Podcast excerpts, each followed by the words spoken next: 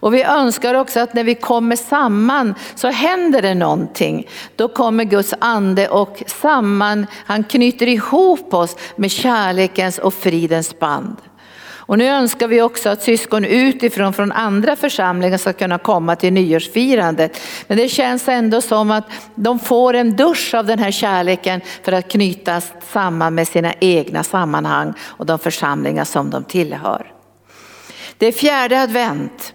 Och advent betyder ju, du kanske inte har tänkt på vad advent betyder alla gånger, men advent betyder väntan eller längtan betyder advent. Och det är inte bara längtan efter Jesus födelsedag, att vi ska få fira den. Även om det är väldigt viktigt att vi verkligen firar Jesus. Och sjung grattis till honom också på julafton. Så att han får känna att han är centrum, eller hur? Läs julevangeliet. För mitt barnbarn, så när han var liten, han var så gullig det där barnbarnet, han sa Mormor sa han, den, den där Jesus måste vara jättesnäll sa han, för han ger alla julklappar till oss. Och då tänkte jag, det är precis så det är. Han har gett sig själv som den allra, allra bästa julklappen och sen får vi uttrycka kärlek till varandra i vårt givande. Men det är han som är huvudpersonen och det är väldigt tråkigt när det blir den där tomheten och jag tror ni alla fått uppleva den som har vuxit upp i hem utan Jesus. Min pappa var ju socialist. Så det var ingen som berättade någonting om Jesus. Men man kände alltid tomheten. Det var någon konstig förväntan. Det var julskyltningen, vet du, alla fönster var liksom stängda och på en kväll öppnades alla fönster i Boden. Kommer ni ihåg julskyltningen?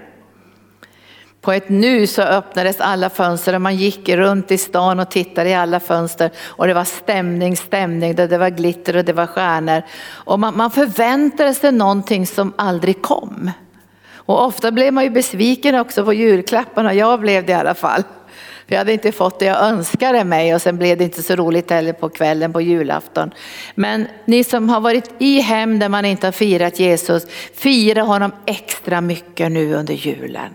Ta igen det där också lite grann.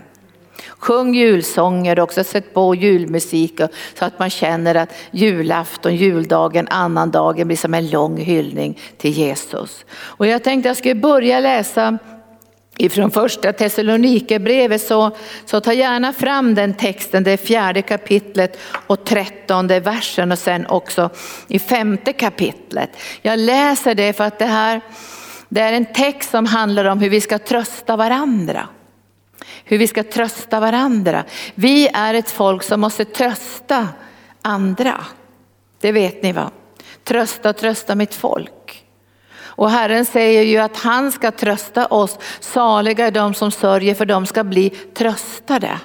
Och med den tröst som vi får av Gud i livets alla omständigheter har vi möjlighet att på sikt också vara en kanal, också kollektivt för att trösta andra. Och då säger Herren ifrån första Thessalonikerbrevet 4 och 13. Bröder, vi vill att ni ska veta hur det blir med dem som har insomnat. Så att ni inte sörjer som de andra, de som inte har något hopp. Eftersom vi tror att Jesus har dött och uppstått så ska Gud på samma sätt genom Jesus föra fram de insomnade tillsammans med honom. Jag säger er detta enligt ett ord från Herren. Vi som lever och är kvar till Herrens ankomst ska alls inte komma före de insomnade. När en befallning ljuder en ärkeängels röst och en Herrens basun, då ska Herren själv komma ner från himlen och de som har dött i Kristus ska uppstå först. Och därefter ska vi som lever och är kvar, vi ska ryckas upp bland, bland skyar tillsammans med dem för att möta Herren i rymden. Och så ska vi alltid vara hos Herren. Trösta därför varandra med dessa ord. När det gäller tider och stunder bröder behöver vi inte skriva till er. Ni vet mycket väl att Herrens dag kommer som en tjuv om natten.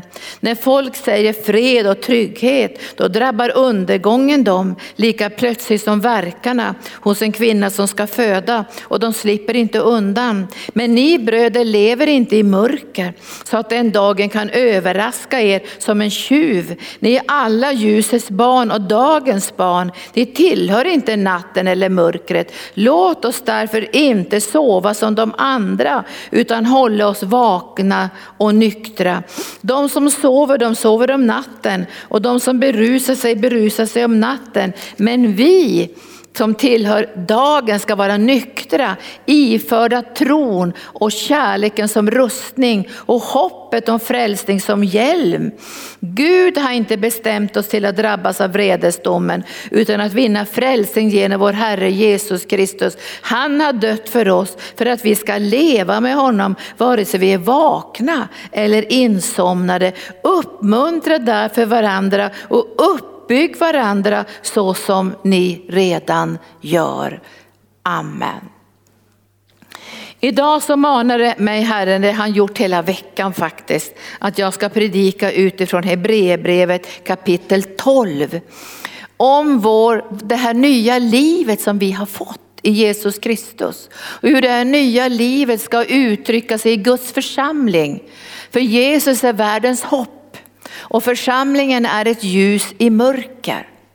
Och när vi går in nu 2022 har jag börjat få någonting av det profetiska. Och det, det, en del av det profetiska kommer att handla om att stärka, bli medvetande, gjord över att Gud har gett Jesus till församlingen. Han har gett Jesus till församlingen och församlingens uppdrag i den här världen är Förutom att föra ut evangelium om Jesus, att hylla honom, älska honom, tillbe honom, för han är världens ljus och utan det ljuset hittar inte människor hem. Och nu när, när, när, författaren, jag skulle tro att det är Paulus i Hebreerbrevet, när han beskriver det liv som människorna levde innan syndafallet eller efter syndafallet eller före korset så, så är det helt olika liv. För innan syndafallet så levde människor i en andligt djup kärleksrelation med Gud och hade ständigt tillgång och möjlighet att äta ur livets träd. Då Gud skulle möta alla behov i människornas liv genom den andliga kärleksrelationen. Och, och det är underbart att se hur naturen samverkade med människan. Hur marken gav gröda, hur det var så vackert vackert Och Gud sa till människan att regera över skapelsen, att lägga den under sig. Så det, det lilla paradiset som Adam och Eva fick skulle förmeras. Så hela jorden skulle bli uppfylld av Guds härlighet. Och marken och träden och djuren skulle inte göra motstånd mot människan utan samverka med människan. Och därför fick också människan sätta ord och ge namn till alla djur. Och Gud säger ni ska inte bara råda över naturen, ni ska råda över alla djuren. Beskydda och bevara dem. Allt det gick sönder. Och ni som är här idag, ni vet om att det gick fruktansvärt, fruktansvärt sönder. Därför paradisets port stängdes. Och det står att kerub med brinnande svärd står framför öppningen till paradiset. Och keruberna vet ju, de hade två vingar, seraferna har sex vingar. Men keruberna har flera sorters ansikten. De har ett människoansikte, de har ett lejons ansikte, de har en örns ansikte och de har en tjurs ansikte. För att uttrycka både kärleken till mänskligheten men också uppenbarelsen om Guds styrka och Guds skönhet. Och den vägen är stängd. Men genom Jesu död på korset så öppnas den vägen. Rakt in i Guds hjärta så paradiset blir en plats på insidan i våra liv. Och därför behöver paradiset bli synligt också i Guds församling för att kunna ge den här världen hopp. Och då ska jag läsa hur det var efter syndafallet, innan upprättelsen. Vet du, då uppenbarar sig inte Gud på det sätt han gör i Jesus Kristus. Utan man kunde höra hans röst, men man var så fruktansvärt rädd för Gud uppenbarar sig eld. Ingen kunde komma nära Gud och leva. Även om ett djur kom nära så dog det. Därför Gud är höghelig och Gud talar till människorna i gamla testamentet, ni måste helga er, ni måste tvätta era kläder för nu ska Gud uppenbara sig. Men ingen människa hade en personlig kärleksrelation med Gud därför att den relationen bröt sönder i syndafallet. Och nu ska ni få höra gamla testamentet och sen ska jag läsa nya testamentets beskrivning om vår relation. Hebreerbrevet kapitel 12 och versen 18. Ni har inte, säger han, ni har inte, ni har inte kommit till ett berg som man kan ta på, en till flammande eld och töcken och mörker och storm. 12 och 18. Ni har inte kommit till ett berg som man kan ta på, till flam, flammande eld och töcken och mörker och storm, till basunljud och en röst som talar sådana ord att de som hörde dem bad att få slippa höra mer. De säger till Moses, du får höra vad Gud säger men vi orkar, vi klarar inte av att höra Gud själv. Och så står det så här, de stod inte ut med det som befalldes. Även om ett djur som rört vid berget det ska stenas, så skräckinjagande var synen att Mose sa, jag är skräckslagen och darrar. Det första som hände efter syndafallet var att fruktan kom in i världen. Gud hade inte, ändrat det sig. Gud var densamme. När människorna hade levt och tjänat och jobbat så kom ju Gud på eftermiddagen, eller hur? Och frågade efter dem. Var är ni någonstans? Men efter syndafallet så fick han ropa flera gånger, var är ni någonstans? Och då säger de, men vi har gömt oss, för vi är nakna och vi är rädda för dig. Det var det som hände efter syndafallet. Människan förlorade rättfärdighetens och härlighetens klädnad. Hon skildes från Gud och kom ut i mörker och fruktan. Den första känslan människan fick var fruktan. Och tittar vi i världen idag så kommer fruktan att öka mer och mer och mer och mer. Det står i Bibeln att människorna kommer att stå rådlösa vid havet och vågornas dån och de önskar att de ska dö i all denna fruktan. Men vad säger Jesus gång på gång? Frukta inte, frukta inte, för jag är med er alla dagar in till tidens ände. Och min kärlek, agapakärleken, är så stark att den driver undan all fruktan. Och därför måste vi när vi känner av fruktan eller slår emot oss på olika sätt, snabbt gå till Jesus och säga, kom med agape, kärleken och fyll min själ, min kropp och min ande så all fruktan lämnar mitt liv och fyller mitt innersta med den gudomliga kärleken som är själva syftet med skapelsen, att vi ska älska Gud. Vi får inte leva i fruktan. Vi måste vara ett folk som lever utan fruktan och därför står det i Bibeln att Jesus har kommit in i den här världen och levt i den här världen för att befria oss alla som lever i fruktan för döden. Och den sista fienden heter döden och ska kastas i den brinnande eldsjön. Så är det. För vi är skapade för att leva för evigt. Så var Guds tanke. Vi skulle e- leva för evigt. Nu är det många av mina vänner som har gått hem till Herren. Och jag får besked då och då att den här har gått hem till Herren och den har gått hem till Herren. Och vi säger gå hem till Herren. Vi säger inte att någon har dött, för de har inte dött. De har gått från lämna sin kropp och förenas med Jesus i evigheten. Men vi ska aldrig dö. Vi ska få nya kroppar. Och Gud kompenserar. Jag vill säga till er idag, det är så underbart att tänka på det, att när människor blir frälsta i hög ålder så har de ju förlorat så mycket av sitt liv, eller hur? De har inte fått tjäna Herren, gåvorna har inte varit i tjänst och de har kanske bara levt för sig själva. Och så tänker de, varför fick jag inte höra om Jesus när jag var yngre? Då hade jag kunnat tjäna Jesus i full kraft. Men Gud kompenserar för en dag, är som tusen år och tusen år är som en dag. Och skulle någon gå in i evigheten alldeles för ung så kommer Gud att kompensera med sin härlighet. För Gud är mäktig att kompensera. Och det här är så fantastiskt att tänka på. Och, och, och också för dig och mig idag, förvalta era liv. Förvalta era liv. Ta, ta det här livet på allvar. Och framförallt ska vi förvalta våra liv så att vi ger hyllningen till Jesus. Och 2022 kommer Herren att lägga i era hjärtan, jag säger det profetiskt, en längtan att hylla konungen. Jag tror, att, jag tror att de flesta av er kommer att titta på, på busstiderna på ett nytt sätt. Och tänka jag måste vara i tid, jag ska hylla konungen. Tänk om jag kommer fem minuter för sent.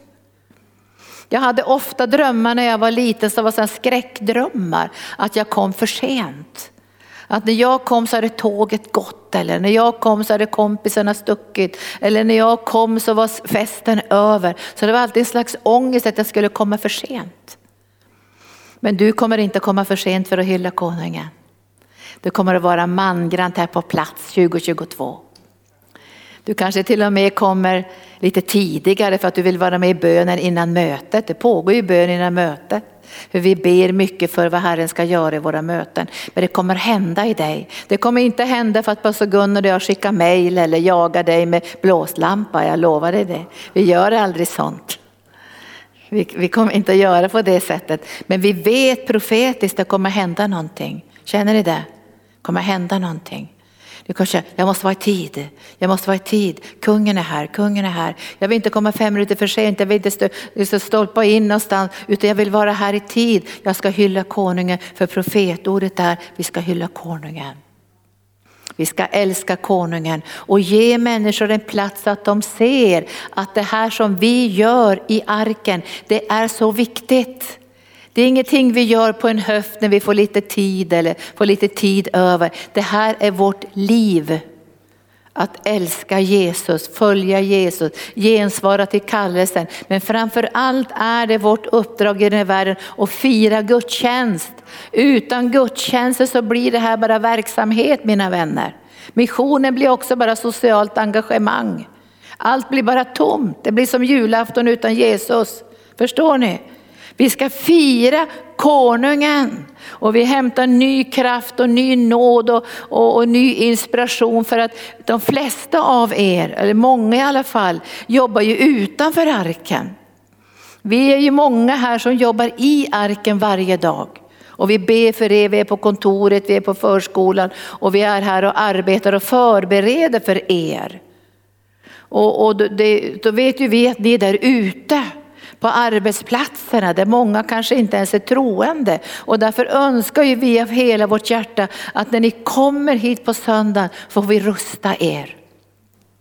Så att när ni är på platser där man inte tillber Jesus och inte bryr sig om Jesus och kanske bara svär och, och bråkar, då finns ni där som levande ljus i den här mörka sargade världen och det tänds ett hopp var än ni är.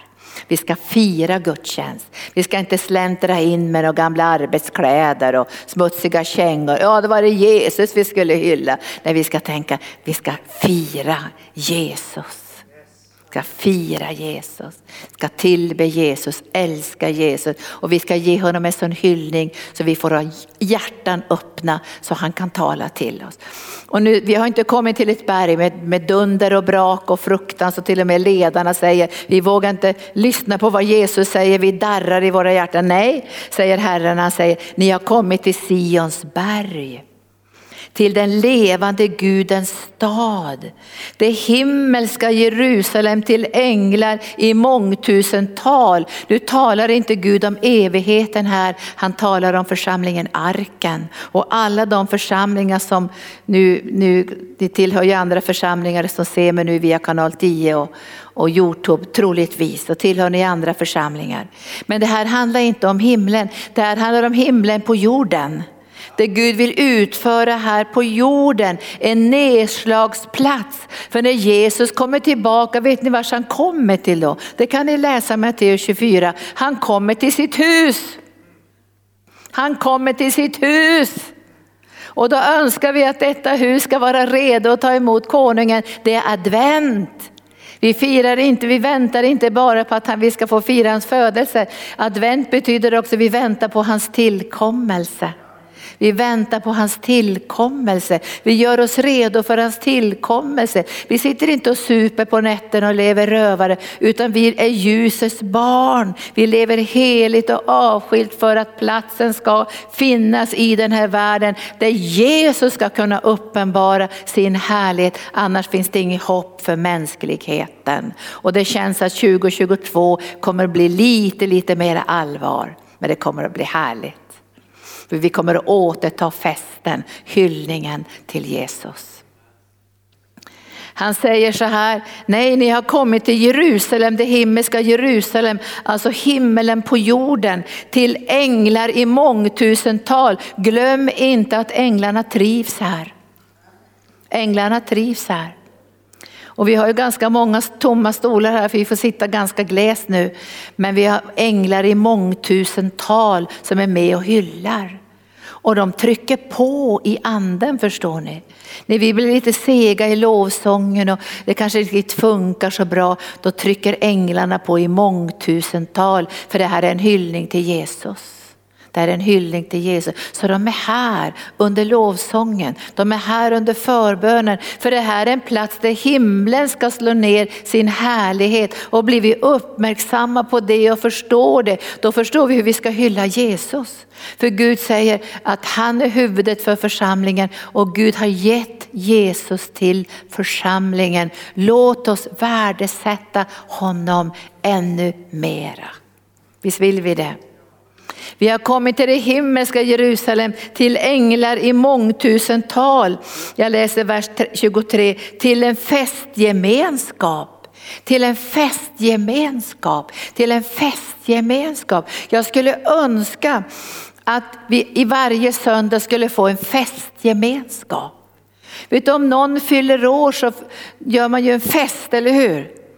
Man tänker att man ska göra fint och köpa någon present och sådär. Alltså vi, vi, vi, jag går inte så ofta på fester ute i världen för jag tycker att det är så otroligt tomt. Ärligt talat. Och, och på många sådana här mingel jag har blivit bjuden tillsammans med mina döttrar och sådär så har de inga stolar än så man får stå där i timmar och mingla. Och sen undrar jag till sist, vad går det ut på det här? När man har smaskat i sig maten, vad går det ut så jag tycker att vi måste återta den andliga festen. Eller hur? Nu talar inte jag om någon världslig fest, den andliga festen. Det här jublet, den här glädjen. För det är vi som har rätt att glädja oss, eller hur? Ingen ytlig glädje. Vi kan glädja oss också i bedrövelsen, i sorgen. I problemen kan vi glädja oss. För vi gläder oss inte ytligt, vi gläder oss över kungen. Att vi har en gemenskap med Jesus genom livets alla omständigheter och svårigheter. Att han aldrig kommer att lämna oss och därför firar vi gudstjänst. Och jag, jag, känner att det är någonting som håller på att hända, en medvetenhet. För det är inte världen som står och skrika och jubla över saker. Och jag, jag, tänkte att jag ser ibland människor som kanske vinner någon tävling eller får någon trisslott eller något sånt där eller Postkodmiljonären så uttrycker de ju många gånger en otrolig glädje. Men det här är bara för en kort tid i det här jordelivet. Men vi har en evig glädje och den ska vi fira. Eller hur? Vi har läst Nehemja och nu inspirerar jag er att läsa boken. Att de hade ju inte läst, de hade inte läst Bibeln på, på år och dagar. Allt hade gått under när vi läser Nehemja bok. Och då ska Nehemja bygga upp den här muren. Och de har inte fått höra lagen läsas på hur länge som helst för de har ju varit i Babel i fångenskap. Och sen när, han börjar läsa ordet Esra tillsammans med Nehemja, då börjar alla gråta. Bara gråter och skriker och gråter och sörjer. Då säger ni får inte gråta och sörja nu utan nu ska ni glädja er. Längre fram tar vi syndabekännelse men nu ska ni glädja er. Och ni ska skicka presenter till varandra och ni ska fröjda er. För glädjen i Herren är er styrka. Och det blir ingen förvandling i våra liv om vi inte får möta den här överjordiska kärlekssmörjelsen in i våra liv genom Jesus. Vi är en festförsamling. Alltså vi, vi, vi är ingen ytlig festförsamling som man kan, ska ju gå på fest, utan vi är här för vi hyllar konungen. Alltså vilka hyllar konungen, det måste vi göra. Alltså vi behöver hylla konungen. Och vi tror ju här i arken, pastor Gunnar och jag, fast jag har varit med så här länge, att vi tror på församlingstillväxt. Och därför så står det i den hemliga bok att portarna måste kallas för lovsång och murarna för frälsning. Därför när, när, man går in genom församlingens andliga portar, då ska man möta ett folk som lovsjunger. Eller hur? Man möter inte knot och knorr och klagan och fokus på allt som händer i världen och alla dåliga grejer i politiken och nu ska vi diskutera någonting här. Det är inte det de ska möta när de möter oss, de ska möta lovsången i varje port, i varje öppning där de möter dig och mig så hyllar vi kungen. Det sker så mycket mörker i världen idag. Du skulle kunna bli upptagen från morgon till kväll på, i, i, i sociala medier för att läsa alla negativa rapporter. Men du och jag ska lyssna på den positiva rapporten. Jesus har vunnit seger. Han har gett oss en kallelse, han har gett oss en uppgift, uppgift i det här livet att älska honom, samarbeta med honom och föra ut evangelium. Vi är en festförsamling, jag bara läser till. Men vi är också en församling av förstfödda som har sina namn skrivna i himlen. Vi är en samling av förstfödda. Vi är de som har kommit samman som är födda på nytt. Tänk så hemskt att inte vara född på nytt. Hur hittar man sin identitet? När jag var fyra år hade jag en kille som, jag älskar den här killen jättemycket. Vi, var, vi bodde på samma gård som hette Lars-Gunnar. Jag var bara fyra, men jag tyckte att han var tuffare än mig så jag kallade mig Leif ett tag. Så när vi busade så sa nu är det Lars-Gunnar och Leif som är på väg och Leif sa de, det är ju Kickifors. Det är inte Leif. Men man sökte efter sin identitet. Och så hade jag svarta perioden där jag hade kolsvart hår och så Gud som kom och hjälp och ingen kom. Och sen hade jag eh, hippietidens identitet och så hade jag upprorets identitet och jag sökte identitet i min kropp och i min själ. När du blir född på nytt så får du en helt ny identitet i Jesus Kristus. Och du kommer att känna dig hemma i din kropp också. Du behöver inte kalla dig för Leif om du heter Kickifors. Det var bara en kort period som jag hette Leif. Jag, tänkte, jag tänker på det namnet gillar jag ju inte ens nu. Men man hade identitetsbyten nu. Visst är det ärligt? Vi hade identitetsbyten. Och man skulle se ut på ett visst sätt och så här. Och, och som tur var så såg jag ju som Twigger när jag var liten också så jag tyckte om det, vet, den här tjejen som såg ut som en pinne. Jag var, såg ut så när jag var ung så då tyckte jag att då hade jag mager anorexia identiteten. Jag hade många identiteter men när jag blev född på nytt så föddes jag till att hitta tillbaka till bestämmelsen, till Guds planer och Guds drömmar för mitt liv. Därför är det beskrivet här, det är en samling av de som är födda på nytt, som har fått sin identitet i Jesus. Som har en identitet som är djupare än det sexuella, psyket, personligheten, djupare än de gåvor vi har, för den går in i vår ande i den upprättade kärleksrelationen med Gud och där får den sin näring och då hittar du hem. Då hittar du hem till den du är, till de gåvor som Gud har gett till dig och de är fler än du vet idag. Och du kommer att känna dig trygg i, det, i din kropp som kvinna, du kommer att känna dig trygg i din kropp som man och du, du behöver inte fastna fast i en massa könsroller heller utan du får fråga Herren vad du kallat mig till. Vad har du lagt ner för gåvor i mitt liv? Hur ser min framtid ut? För Gud har skrivit alla dina dagar i livets bok innan någon av dem har kommit. Får vi ett halleluja på det. Tack Jesus. Gud kompenserar och har vi snurrat till det i livet så kan Gud kompensera. Gud, Gud är mäktig att göra allting nytt och även om det ska vara supersnurrigt allting så kan Gud alltid göra någonting av det snurriga också.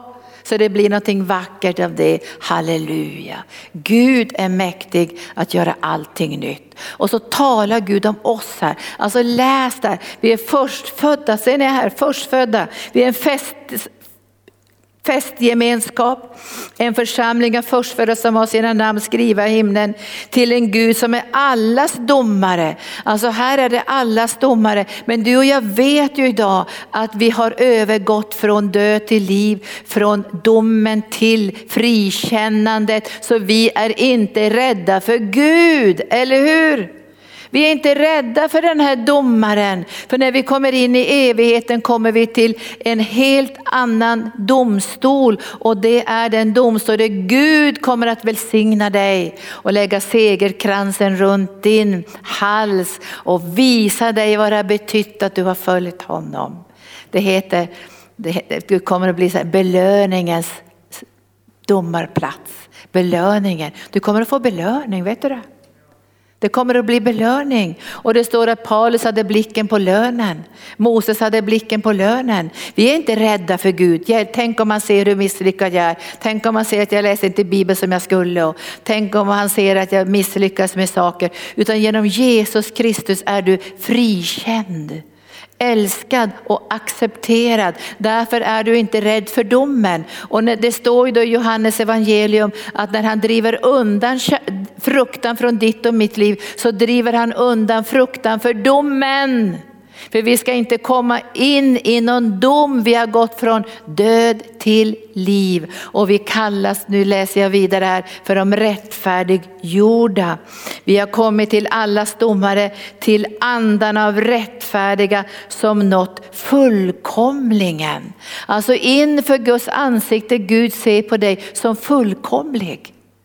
Du är helt utan brist och fel när han ser på dig. Och även om du själv skulle tycka att du behöver mera helgelse. Men när Gud ser på dig så säger han, du är fullkomlig därför att du är i Jesus Kristus. Därför kan du tillräkna dig hans gärning och leva utan fruktan, utan förkastelse, utan den här hemska ensamheten och utan den här identitetsförvirringen. Det är väldigt smärtsamt att leva i identitetsförvirringen. Och jag kommer ihåg att jag, var, jag, jag sa till pastor Gunnar i morse, jag tror att jag var rotlös som ung och som barn. För jag tänkte jag måste få en förändring i mitt liv när jag var 21 så jag sa jag åker till Afrika och hjälper barnen där. Men hur ska man kunna hjälpa andra när man är ett trasigt hus? Förvirrad. Och så skulle jag läsa språk då. Bössans heter det ställe, stort universitet där det var dip, blivande diplomater och läkare från alla möjliga länder utöver världen som skulle lära sig eh, eh, franska och där gick jag också. Så tänkte jag så här när jag såg dem. Jag skulle bli diplomat, det var överläkare, läkare som skulle lära sig franska. Så tänkte jag, varenda en vet vart de är på väg utom jag. Men jag fick låtsas att jag var på väg, att jag visste vad jag skulle göra med livet. Men jag visste att det med Afrika, det var bara en stor lögn i mitt hjärta. Jag visste att när jag kommer dit efter två veckor vill jag åka hem igen. Så, så visste jag någonstans, rotlös. Men när du och jag har fått våra rötter i Jesus Kristus så hittar vi hem. Och jag ska säga det idag, det som händer när du får tag i det här, det är att du känner dig hemma i dig själv. Alltså det händer någonting. Du känner, men det här är ju jag. Innan man lade på med en massa könsroller och, och tvång från skolan och negativa tankar och alla möjliga grejer. När, när du får tag i det här, då börjar du känna, men det här är ju jag. Du behöver inte längre titta på omgivningen och tänka, jag måste bli lik dem. Det vore lika tokigt som när Tumme sa, jag vill bli en, en fot istället. Utan vi måste hitta det som är det unika och det vackra som Gud har lagt ner i våra liv och det sker bara genom Jesus. Och då säger han så här att vi har nått fullkomlingen. Nu läser jag den sista versen här. Ni har kommit till det eviga förbundet, ni har kommit till det nya förbundets medlare Jesus och det renande blodet som talar starkare än Abels blod. Du kanske har läst om Abel och Kain, det var de första barnen som Adam och Eva fick efter att de hade förvisats från paradiset. Och Kain han bar fram sitt eget. Och han hade ju många bra saker som var sitt eget. Han bar fram från det han hade odlat och så här så la, la han fram det. Men Gud tog inte emot det. Därför det var inte en offergåva som behagade Gud. Därför det är blod som måste utgjutas till försoning. Men, men Abel bar fram ett djur som han hade offrat och det, det offret togs emot. Och därför brukar man säga att Abel är en bild på Jesus, alltså en förbeskrivning på Jesus. Abels blod talar. Och vad sa Abels blod om Kain? Döda inte Kain. Beskydda Kain. Han har gjort så mycket ont men han måste få beskydd. Så i den här världen så finns det ett beskydd över människor. För Gud vill att alla människor ska bli frälsta. Och ingen kunde döda Kain fast han hade mördat sin egen bror. Ni kan läsa det här. Men Jesu blod är starkare. Det, det, för djurs blod kan bara överskyla synden. Men Jesu blod borttar all synd. Och Jesus är medlaren för ett nytt förbund. Så när det blir en upprättelse för det judiska folket så kommer de att se det här. De kommer att förstå vad blodet från detta lamm betyder och att det finns ingen väg, inte för det judiska folket, på någon annan väg än genom Jesus Kristus. Och därför händer det så många saker i Israel idag. Där Herren reser upp messianska församlingar från hela Israel. Hundratals brinnande, älskande Jesus, evangeliserande messianska församlingar som gör det möjligt för det judiska folket folket att hitta källan, hitta källan, bli födda på nytt och komma in i det nya förbundet där Gud tar bort stenhjärtat ur allas våra hjärtan, både judar och greker och hedningar för att ge oss ett nytt hjärta som ska slå i samklang, samtakt med Jesus. Det här beskriver oss. Och det här behöver vi återinta i den heliga ande och förstå mer och mer vilket uppdrag vi har. Så vi inte missar själva meningen med livet här på jorden.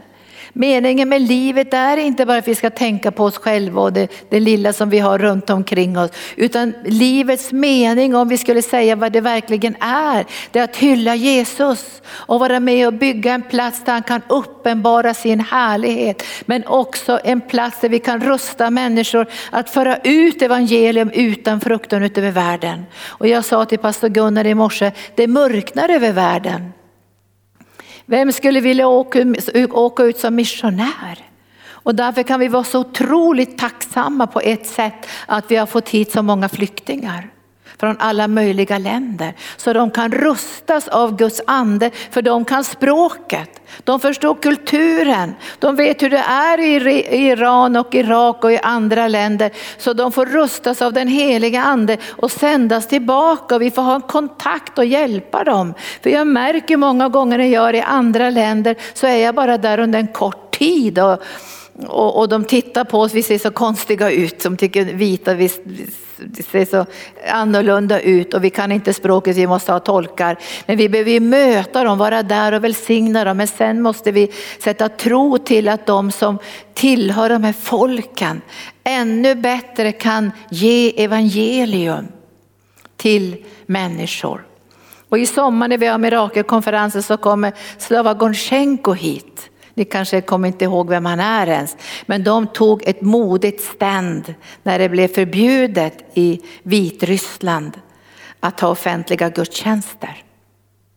Och de skulle riva deras kyrka, så de här maskinerna som skulle förstöra kyrkan var på plats runt omkring kyrkan. Då kom babusjkorna. Det var mest tanter som med hilkorna på huvudet och sa, vi fastar till döds sa de. Vi lämnar inte den här platsen, vi fastar till döds. Så de la ut madrasser i kyrkan och de började fasta på vatten. Dagarna gick, ryktet gick, fler församlingsmedlemmar samlades, fastade och bad. Låg på golven, vaktade så att inte de här maskinerna skulle kunna börja förstöra kyrkan. Det som hände var att det började komma folk från hela världen och ställde sig runt kyrkan och de har skrivit en bok som heter The Church in the Cobarn. Hur de vann seger och Lukasjenko fick böja sig. Därför det fanns ett folk som som var modigt. Nu går de igenom en prövning igen. Nu har de stängt kyrkan. Så de kommer inte in i kyrkan. Allt är förstört på insidan. Det är rivet, allt är förstört där.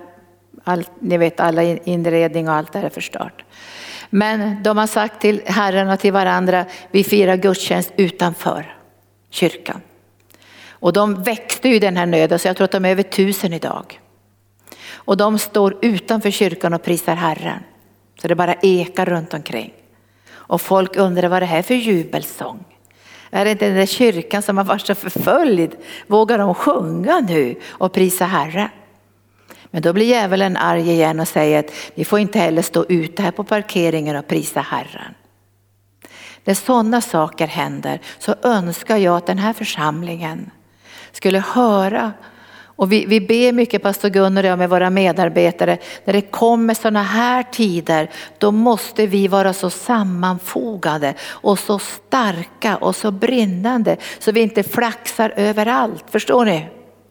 Så att det kan gå fram ett basunljud, en signal. Nu gör vi på det här sättet. Nu gör vi på det här sättet. Vi är en festförsamling. Vi är en församling av godkända människor som inte är surriga identitetskriser. Utan vi har börjat hitta hem till det unika i vars och ens liv och i våra egna liv. Vi är godkända av Gud, vi är inte rädda för evigheten, vi är inte rädda för domen.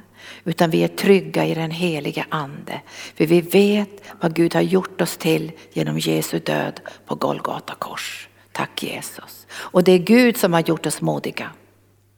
Och jag tänker ibland, jag kan inte ge råd till dem hur de ska göra i Vitryssland.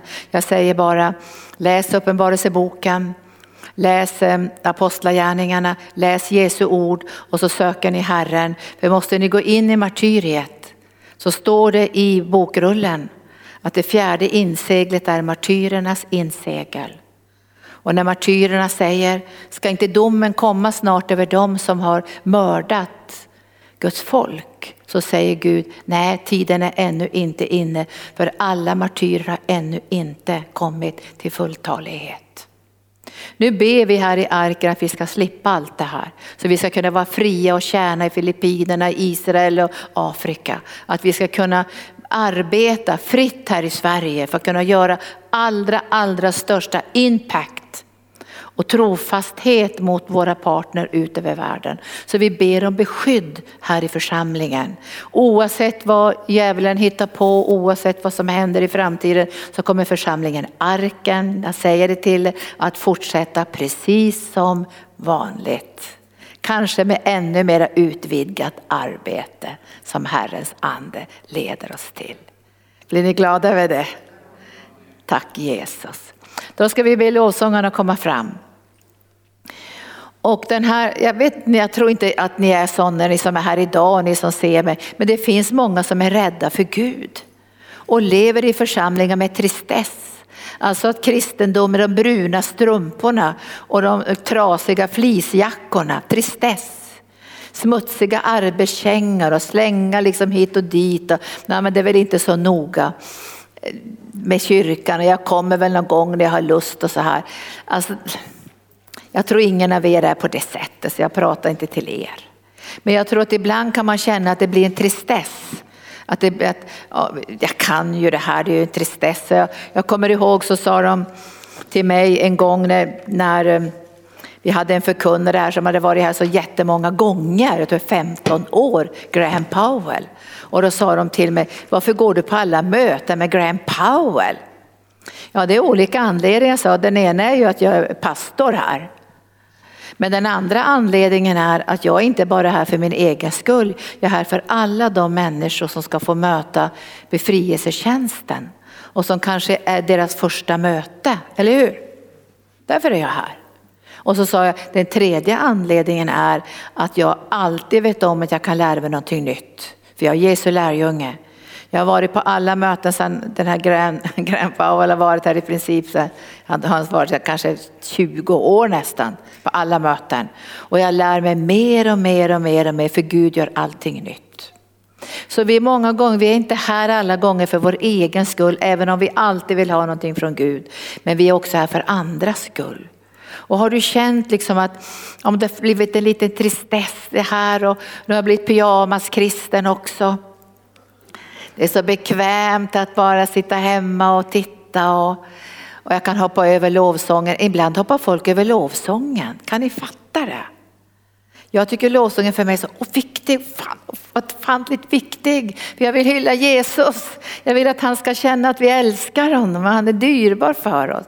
Men man har kommit in, kanske kommit in i en liten slentrian på grund av pandemin. Bryt den över julen. Bryt den. För nu ska vi gå in i ett fantastiskt år. Och vi tror ju på veckan väckelse, vi tror på församlingstillväxt, vi, vi tror på att den här unga generationen kommer tidigt i morgonrådnaden. Och mängder med unga kommer att fylla den här lokalen så vi kan stå sida vid sida och tjäna den levande guden. Så känner du det där tristessen och motståndet och det saker som tar emot och sådär så behöver du veta att även om du är lite äldre så känner ja men det är skönt att vara hemma så står det i Bibeln den invärtes människan ska styrka den ut utvärtes människan. Så du får kraft på insidan att övervinna. För det blir inte bra på, på framtiden om vi börjar få en tv-kyrka bara sådär. Men sen måste vi tänka på våra distansmedlemmar. Och vi, vi, vi, vi älskar våra distansmedlemmar för de är egentligen inte distans för de är med i arken, eller hur? Och tanken är nu 2022, om vi nu slipper pandemin, det är att vi ska åka ut till olika platser. Vi ska ha många team som åker ut. Och vi ska besöka våra distansmedlemmar och kanske på en del platser också ha möten så de ska känna, även om de är på distans i, i, i, i, så säga, i andra städer är de inte på distans i våra hjärtan för de är arken, eller hur? De är arken. Och när de sitter hemma, ni sitter hemma och ser oss på, på Youtube, så, så kommer ni inte att känna pyjamasgrejen. Det, det, kommer inte ni att känna, utan ni kommer att känna att ni är här.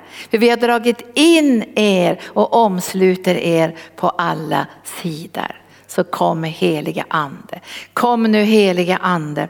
Och vi ber att vi ska få de här orden levande gjorda, att vi är en festförsamling, en gemenskap med rättfärdiggjorda syskon. Våra namn är skrivna i Livets bok. Vi har ingen rädslan längre. Vi har fått en medlare som, som talar starkare än Abels blod, som talar det försonande blodet, som har lyft bort alla synder och straffet har gått över honom och därför vet vi att även om Abels blod talade om, om att han, vi skulle beskydda Kain som hade gjort så mycket ont så var det ändå så att Jesu blod talar mycket starkare och mycket högre och ropar på försoning för alla folk över hela jorden. Resoki aproko isokaidio destrogiria. Jag bara löser nu all tristess, all känsla att kristna livet är bruna strumpor och tristess och tråkigheter. Men Herrens ande säger att tjäna mig är det mest äventyrliga, underbara, övernaturliga som du någon någonsin kommer att få uppleva i ditt liv, säger Herrens ande. Och jag vill rusta dig, säger Herren, med alla nio andens nådegåvor så du får övernaturliga mötesplatser med människor där du kan flöda i nådegåvorna, där du kan vara en tröst i mörkret, en styrka för de svaga, med läkedom till de sargade. Herrens ande säger att han önskar att den här festen och glädjen och jublet ska bli starkare på den här platsen. Och vi säger till dig Jesus, oss, vi förbereder oss. Vi förbereder oss på ett djupare sätt i våra hjärtan. Att möta ordet med sån övernaturlig glädje och tacksamhet. För vi är en festförsamling och vi festar inte som världens människor så ytligt och tomt. Utan vi festar därför att vi hyllar våran kung. Vår underbara, ljuvliga, härliga kung. Känn Jesus idag, vi älskar dig, vi älskar dig, vi älskar dig. Du är världens frälsare. Och du kommer en dag att komma tillbaka på himmelens skyar och vi väntar på dig. Vi har advent nu, inte bara på att fira din födelsedag, men vi väntar på din tillkommelse. Vi gör oss redo för din tillkommelse. Att få möta dig tillsammans med alla de som har gått före och alla de som kommer att gå efter oss också. Ska vi mötas i härlighet och i jubel. Så kom med helig ande och förbered våra hjärtan så vi inte är en församling med suck suckan och tårar. Och, och, att vi ser på världen som håller på att gå under och synden och övergreppen och krigen. Vi vill, inte, vi, vi vill ju gråta som du grät också Jesus. Men vi vill framför allt se genom dina ögon att hoppet finns i den här världen. Och du har tänt hoppets stjärna som ska lysa starkt under den här julen. Så kom helige ande.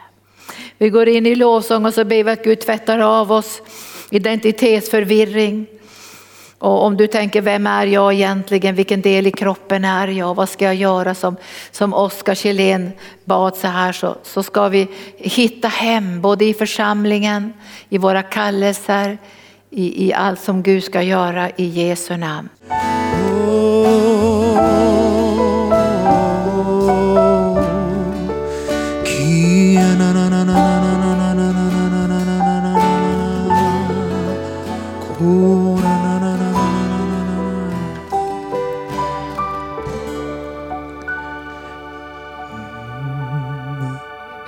Underbara heliga ande för församlingen som firar jul här med oss i arken och de som åker hem eller åker till släktingar på olika sätt.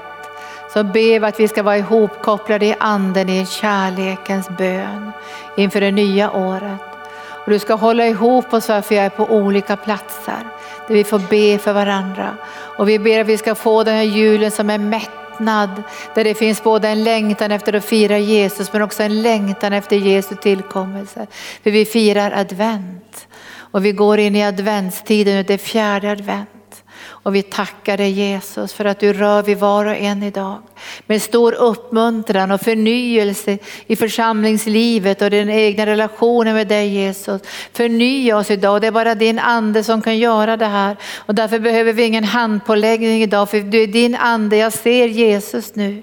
Han går runt i den här lokalen och han går runt där hemma och ser som, ser oss nu på tv och på, på internet så lägger han sin hand på er och säger någonting nytt ska komma. Det ska bli en trygghet i ditt andliga liv. Du ska få en identitet tillsammans med mig och hitta hem till dig själv. Du ska känna det här djupa godkännandet och all den här förkastelsen och utanför och fördömelsen kommer att vika ifrån ditt liv. Och du kommer att bli förnimmad, få en förnimmelse att evigheten är närvarande redan här och nu och att änglar i mångtusental delar hyllningen till Jesus i våra gudstjänster.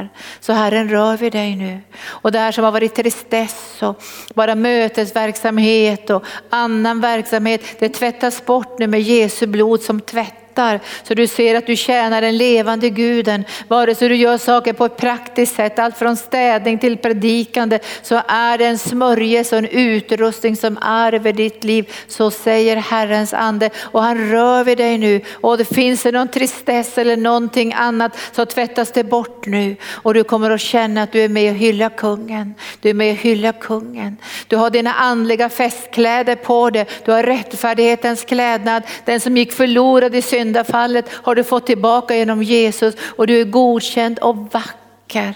Och därför kan du fira med en ofantlig glädje. Om du låter det yttersta också återspegla någonting av festen på insidan så glädjer det Herren. Men det är framförallt att du är medveten om rättfärdighetens vackra, ljuvliga och sköna kläder som du har. Herren talar till dig nu, nu löser han. Han bara löser saker i ditt innersta. Du är inte längre den, för, den hemmavarande sonen som slitar och släpar och känner bitterhet i ditt hjärta. Nej, du är en älskad son som har dotter som har tillgång till allt som fadern äger och han säger till dig att du ska gå in i förrådshus och hämta ut det du behöver för allt mitt är ditt säger Herren. För det kommer tider när många kommer att frälsta säger Herren och då måste du unna dem den glädjen även om de har förstört sina liv så måste du finnas där i festlokalen och glädja dig över dem som har förlorat allt. men som har blivit frälsta av nåd. Men mitt älskade barn, se att förrådshuset är öppet öppet för dig. Låt mig få röra vid dig, för förnyelse ska komma. Jag förnyar din kärlek, jag förnyar din kärlek till församlingen, till uppdraget, till kallelsen. Det sker genom min ande, säger Herren, för jag rör vid dig, för ditt liv är så viktigt för mig. Att du finns med i den här muren som ska skydda härligheten och skydda uppenbarelsen. Muren måste bli stark, ungdomsdelarna i muren, förbundsdelarna i muren, missionsdelarna i muren, administrativa i muren. Muren måste vara stark och utan revor. Men jag önskar, säger Herren, att alla portar, varje gång du går in eller ut så ska det vara lovsång som strömmar ifrån ditt hjärta. Ett levande vittnesbörd att du tillhör ett folk som inte längre står under domen men som har övergått från döden till livet. Så säger Herrens ande. Har du något kunskapens ord eller känner någonting sånt? Mm. Vi pressar inte fram någonting för det är Jesus som rör vid era liv nu. Han bara rör vid era hjärtan, era Gud sinnen. Sorry. Varsågod. Gud är nära dig. Gud är nära dig. Han är nära dig. Tack Jesus, och du är så nära oss Jesus. Tack Jesus. Ja, Jesus. Och vi är så tacksamma. Bara dricka in den här smörjelsen, den här friden. Den här ljuvligheten. Det är Herren som berör dig nu. Han går direkt till dig. Folket i gamla testamentet de ropade och skrek att Moses, du får lyssna till Gud, vi vill inte höra själva. Men Herren säger till oss idag, jag kommer att rusta er ännu mer att kunna höra vad jag säger till församlingen. Så att ni kommer att känna trygghet när profetorden kommer. För jag har redan talat in i era hjärtan. Så låt honom få beröra våra hjärtan nu. När vi går, när vi går in i den här julveckan och förbereder och ställer oss till förfogande. Jag bara löser ut all stress också. Vi ska inte ha någon stress, vi ska ha ljuvlig frid. Glädje i våra hjärtan. Och vi tackar dig Herre för församlingen. Jag lyfter hela församlingen inför dig.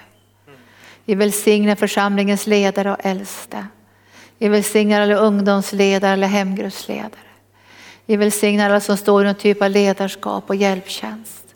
Alla medarbetare i arken. Vi bara sänder nu, i namnet Jesus sänder vi glädje och frid och kärlek från Jesu hjärta till er. I Faderns och Sonens och den helige Andes namn. Amen. Då avslutar vi och är du här som ännu inte är frälst så vill vi självklart fräls, be för dig till frälsning. Om du inte tagit emot Jesus än som frälsare. Men vi avslutar det här och jag önskar att ni alla ska känna Jesu hand nu. Han har sträckt ut sin hand och så rör han vid var och en av er. Tack så mycket Oskar. Tack så mycket pastor Linda. Då flödar vi i en stund.